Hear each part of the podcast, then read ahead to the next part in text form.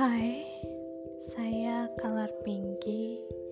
Di sini saya akan mengisi pendengaran kalian dengan suara dan kata yang bersatu dan timbul dari suatu peristiwa di masa lalu, masa sekarang, dan masa yang akan datang.